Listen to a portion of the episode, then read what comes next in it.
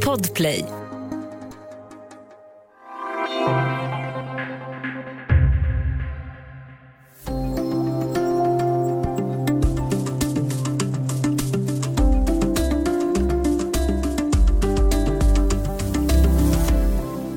Det var ett tag sedan nu som kriget i Syrien orsakade de stora rubrikerna. Men de komplicerade konflikterna fortsätter och ingenting tyder idag på att den enväldige president Bashar al-Assad skulle lämna ifrån sig makten. Men vad är det han vinner? Och hur ser det ut i ett land där det har varit krig i tio år? Välkommen till Studio DN. Jag heter Sanna Thorén Björling.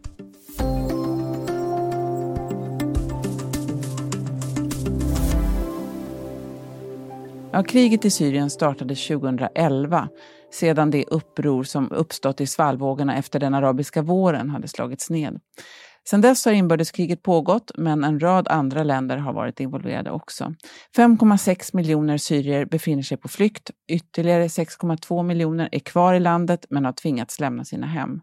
Idag ska vi prata om kriget i Syrien tio år efter det att det startade med en av dem som flydde, DNs reporter Sayed Al-Nahal och Mellanöstern-korrespondent Erik Olsson. Välkomna båda två. Tack. Tack. Eh, vi ska prata lite om hur det ser ut på marken efter tio år av krig. Eh, Saed, du kommer från en stad som heter Jabrud. Den ligger åtta mil ungefär norr om Damaskus och är berömd bland annat för sina grottor och historiska lämningar. Eh, kan inte du berätta lite grann om vad Jabrud var för en stad före kriget? Yes, uh, utöver detta var Jabrud känd för industrin. Det sägs att Jabrud är näst efter Aleppo när det gäller antal fabriker och industriproduktion. Nästan 40-50 000 människ tusen, uh, människor eh, bodde i Abrud före kriget. I varje familj fanns en eller två, ibland tre eller fyra familjemedlemmar som åkte eh, till rika Golfstöterna och arbetade där. Så det fanns nästan inga fattiga i, i, i staden. Vi hade bra i el, vatten och telefon och internetnätverk. Om du skulle säga, hur, hur ser det ut där nu? Ja, nu är det helt tvärtom faktiskt. Få är de som har råd att köpa kött och grönsaker. Jag hörde om flera som äter under en hel dag bröd doppat i te. El kommer oftare en timme varje tolv timmar. Så det tar 24 timmar för att tvättmaskin hinner sluta tvättprogram och tvätta kläderna. Mm. Jag har hört med flera som åkte från Sverige till Jabrud och åkte tillbaka hit. De kunde inte vänta tills de lämnat, lämnat staden eftersom livet där nu är nästan omöjligt. Mm. Ja, det är helt förändrat förstås. Eh, Erik, många hjälporganisationer har ju inte haft tillträde till stora områden i Syrien. Eh, och regimen har attackerat även eh, sjukhus och kliniker då, över 600 gånger. Vad betyder eh, det här för de som bor och lever där? Ja, det som hjälporganisationerna drabbades av främst, det var ju eh, belägring av eh, städer som, eh, som regimens motståndare höll. Eh, östra Aleppo, Homs, Hama och så vidare. Och det, och det var ju som på medeltiden då att de stängde tillförsel, mat, mediciner och så vidare. Hjälporganisationer kom inte in med, med sina eh, hjälpsändningar. Och det hade ju förödande konsekvenser såklart för, för eh, sådana som behövde eh, hjälp. Mm. Eh, du har också, Erik, du har också beskrivit det här kriget som att det har förvandlats till en, en slags frusen konflikt. Den, den löses inte, men, det, men också det intresset från omvärlden svalnar ju också. Och det kommer inte ut så mycket information därifrån heller. Eh, vad betyder det här för uppmärks liksom uppmärksamheten för kriget utomlands har ju liksom minskat nu. Vad betyder det? Ja, alltså fryst konflikt är ju det att Al-Assad sitter kvar, men han har inte kontroll över sitt land. Han, han, eh, det är en rad andra aktörer som är inne på Syriens gränser. Eh, innanför Syriens gränser. Eh, FN har försökt medla i flera år Eh, men eh, de har kört fast. Det sitter 45 personer i Genève eh, från regimen, från civilsamhället och från oppositionen och försöker komma överens om en ny konstitution, en ny författning. Och om den frågan lös med en ny författning, då menar FN att då kan val hållas, alltså fria rättvisa val, inte de riggade val som har funnits i, tidigare. Och då blir det frid och fröjd. Men de kommer ingen vart med dessa, eh, dessa eh, fredssamtal. Så att eh, det är ju ett... Eh, det är inte krig, eh, kanske över hela Syrien, men det är inte fred heller. Eh, Ryssland och Iran backar upp al-Assad, USA stöder syriska demokratiska styrkorna, alltså de kurdledda i, i nord, nordöst. Turkiet stöder regimens motståndare i nordväst. Mm. Det är ju liksom, ja, that's mm. it. Mm. Eh, Syrien har ju blivit ett av världens fattigaste länder. 90 procent av invånarna saknar tillgång till rent färskt vatten. Över 9 miljoner människor är vad man kan kalla matosäkra, så man vet inte riktigt var, var, hur man ska få sitt nästa mål mat. Inflationen har skjutit i höjden. Hur gör människor där för att, för att klara vardagen? Hur lever man? Det är svårt att förstå hur människor klarar sig i Syrien idag. Men jag tror att familjer inte skulle klara sig om de inte fick pengar skickade från släktingar utomlands. Vi pratar här om cirka en miljard dollar per år. Men samtidigt, det är fortfarande människor som, som inte klarar sig, som inte kan säkra grundläggande behov. Jag hörde om människor som bränner blöjor för att uh, värma huset. Så när man går ut i, i gatorna så luktar det vad som helst. Mm. Väldigt svårt läge för många miljoner människor. Eh, vi ska alldeles strax prata mer om vad kriget i Syrien, vad som händer där nu efter tio år.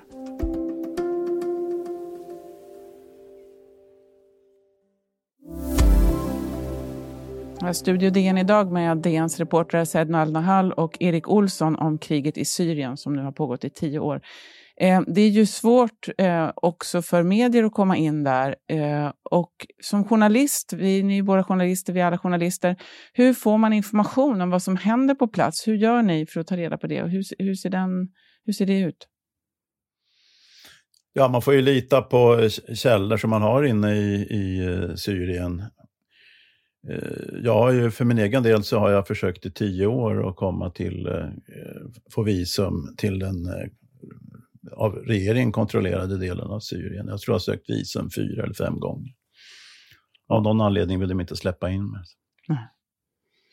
Hur gör du Said? Ja, för mig är det inte också lätt att, att få information. Dels är, är människor rädda för regimen så de vill helst eh, inte prata. Dels eh, har de ofta inget el eller internet.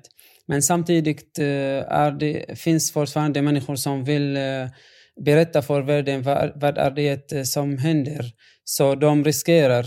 Mm. Eh, DN har också skrivit eh, flera gånger om den så kallade Caesarlagen. Det är en amerikansk lag om sanktioner som är ett sätt att försöka straffa regimen. Och den här lagen bygger egentligen på 53 000 fotografier som är tagna inne på fängelser av en fotograf som arbetade för regimen och som sedan smugglade ur, ut de här bilderna den, här, eh, ur fängelserna. Och Eh, den här dokumentationen har då legat till grund för ett paket sanktioner, men den har också blivit ett sätt att identifiera personer som har fängslats och torterats och dödats. Eh, att många familjer som upptäcker att deras släktingar eller anhöriga eller vänner eh, har blivit dödade eller torterade eh, blir ju förstås förtvivlade eller till och med begår självmord. Vad berättar de människorna för dig som du har pratat med? Ja, det, syrier vet faktiskt att man kan dö om, om man hamnar i den syriska regeringens fängslar. Men människor lever med hopp att deras anhöriga skulle gå ut ur fängelse no någon dag. Det finns politiska fångar som släpptes efter åtta och nio år i fängelse. Men att hitta anhörigas bilder inom eh, Caesars bilder, döda och torterade, var det en, en total tragedi. Till exempel eh, har vi skrivit om en, en by i Idlib som ger, gjort eh, en symbolisk begravning för 13 män vars bilder hittades i Caesars-bilderna. Jag skulle vilja lägga till en sak där och det är ju att eh, det, det, här, det här kommer ju ingen vart så länge regeringen inte eh, samarbetar eller erkänner att, att det folk har försvunnit det alltså, man, man säger, det finns så många olika siffror och statistik, men eh, det, det finns en tämligen tillförlitlig siffra på 80 000 människor som har försvunnit i regeringens säkerhetstjänst under kriget alltså. 80 000 har blivit kidnappade av IS och andra jihadistgrupper. Alltså de, de här, eh, det är bara locket på. Och det, det gör ju att det, det blir ju jättesvårt att, att, gå vidare och bearbeta och komma någon vart i, i, för att nå en politisk lösning som jag pratade om tidigare. Mm. Eh, Erik, du var inne på det tidigare också, men, men Syrien har ju då också tunga sanktioner riktade mot sig. Eh, på vilket sätt liksom, påverkar de civilbefolkningen? Det påverkar ju såklart eh, det dagliga livet som Saed har beskrivit. Det är ju ingen tvekan om den saken, men sanktionernas främsta uppgift är ju att eh, så att säga, sätta åt eh, eh, reseförbud, frysta tillgångar för sådana som är, samarbetar med regeringen, al-Assad-regeringen. Tanken är väl då att det ska liksom eh, det ska pressa dem till eftergifter, men det finns ju inga tecken på det. Nej. Just det. Eh, amerikanska bombplan attackerade ganska nyligen mål i Syrien, men det hade ju mer egentligen med relationen till Iran att göra än med Syrien. Eh, president Biden är ju fortfarande ganska ny och man får ju se lite grann vad han gör framåt. Men som ni båda har varit inne på här, eh, Assad ty tycks ju sitta ganska säkert eh, uppbackad bland annat av både Ryssland och Iran. Då. Eh, vad betyder det för befolkningen i Syrien att Assad sitter kvar? Jag skulle vilja säga en sak där och det, det är att eh, Iran är, och, eh, är ju, som, som du själv sa, ett, det är ju liksom en, de håller ju al-Assad under armarna. De har ju, stödjer ju miliser, eh, de har militära rådgivare, de har gett miljarders, eh, miljarder i krediter. Så att, eh, och det är ju ett, att Iran är så involverade i, i Syrien, det är ju ett, ett av skälen till, realpolitiska skälen till att USA är där. För de vill ju hindra att, att Iran hittar på fuffens mot Israel. Ja, om, om jag skulle svara på den här frågan. Jag var realistisk faktiskt och insåg att eh, alltså al-Assad kommer sitta kvar länge. Därför flydde jag till ett land eh, där kan man säkra familjens framtid, Sverige menar jag. Men jag känner till flera som ville inte åka långt, långt borta från Syrien Många stannar i Libanon för att, eh, för att de eh, helt enkelt eh, ville snart åka tillbaka till Syrien när al-Assad avgick. Men de, de fortsätter leva där fortfarande och deras lidande där är, är inte mindre än de som bor i Syrien faktiskt. Mm. mm. Går det att se eh, hur det här kriget kan ta slut? Alltså jag tänker så här att det måste ju till en game changer som man pratar om. Eh, och Eh, idag finns det ju inga tecken på att det, eh, att det finns alltså någon spelplansförändring. Men sak, saker och ting kan ju hända. Och, eh, jag tänkte på i helgen nu när, när eh, påven besökte Mosul. För fyr, mindre än fyra år sedan så var Mosul i händerna på, på eh, Islamiska staten, på IS. Nu åker påven omkring där i en golfbil och, och liksom eh, predikar försoning. Det är ju ändå ett tecken på att saker och ting kan ändras. Mm. Men på ett sätt som vi förståsigpåare inte, inte kan förutse just nu. Mm. Så du har ju fått ett nytt hemland i Sverige. Eh, hur ser du idag på ditt, på ditt gamla land? Mm. Ja, om vi, vi har uppfostrats eh, på, på idén att eh, den är al-Assads Syrien och inte vårt Syrien. Så om frågan om, eh, om, om jag har nostalgi till Syrien så, som ett land skulle jag säga nej. Men när det, när det gäller min hemstad så är det en, en annan story faktiskt. Jabrod är belägen eh, 1400 meter över havet och har ganska bergig terräng.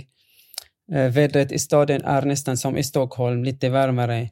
I sommaren var det ett väldigt skönt väder faktiskt jämfört med andra stora städer. När man kommer till staden via Damaskus väg så åker man upp mellan bergen för att komma in i staden. så plötsligt luktar man en väldigt frisk luft. Du vet då att du har kommit in i Abrod. Om jag önskar göra något innan jag dör skulle, jag, skulle det vara att, att lukta Jabrods lukta. Men tanken på det, det, på det faktum uh, att efter tio år krig sitter al-Assad fortfarande i makten så verkar det som att min önskan inte skulle uppfyllas. Ja, man vet aldrig, det kan hända någonting. Hoppas. Ja. Ni ska ha stort tack för att ni var med idag båda två, Erik Olsson och eh, Saed Al-Nahal. Ja, tack. Tack själv. Studio DN görs för Podplay av producent Sabina Marmelakai, exekutiv producent Augustin Erba, ljudtekniker Patrik Miesenberger och teknik Jonas Lindskog, Bauer Media. Jag heter Sanna Thorén Björling.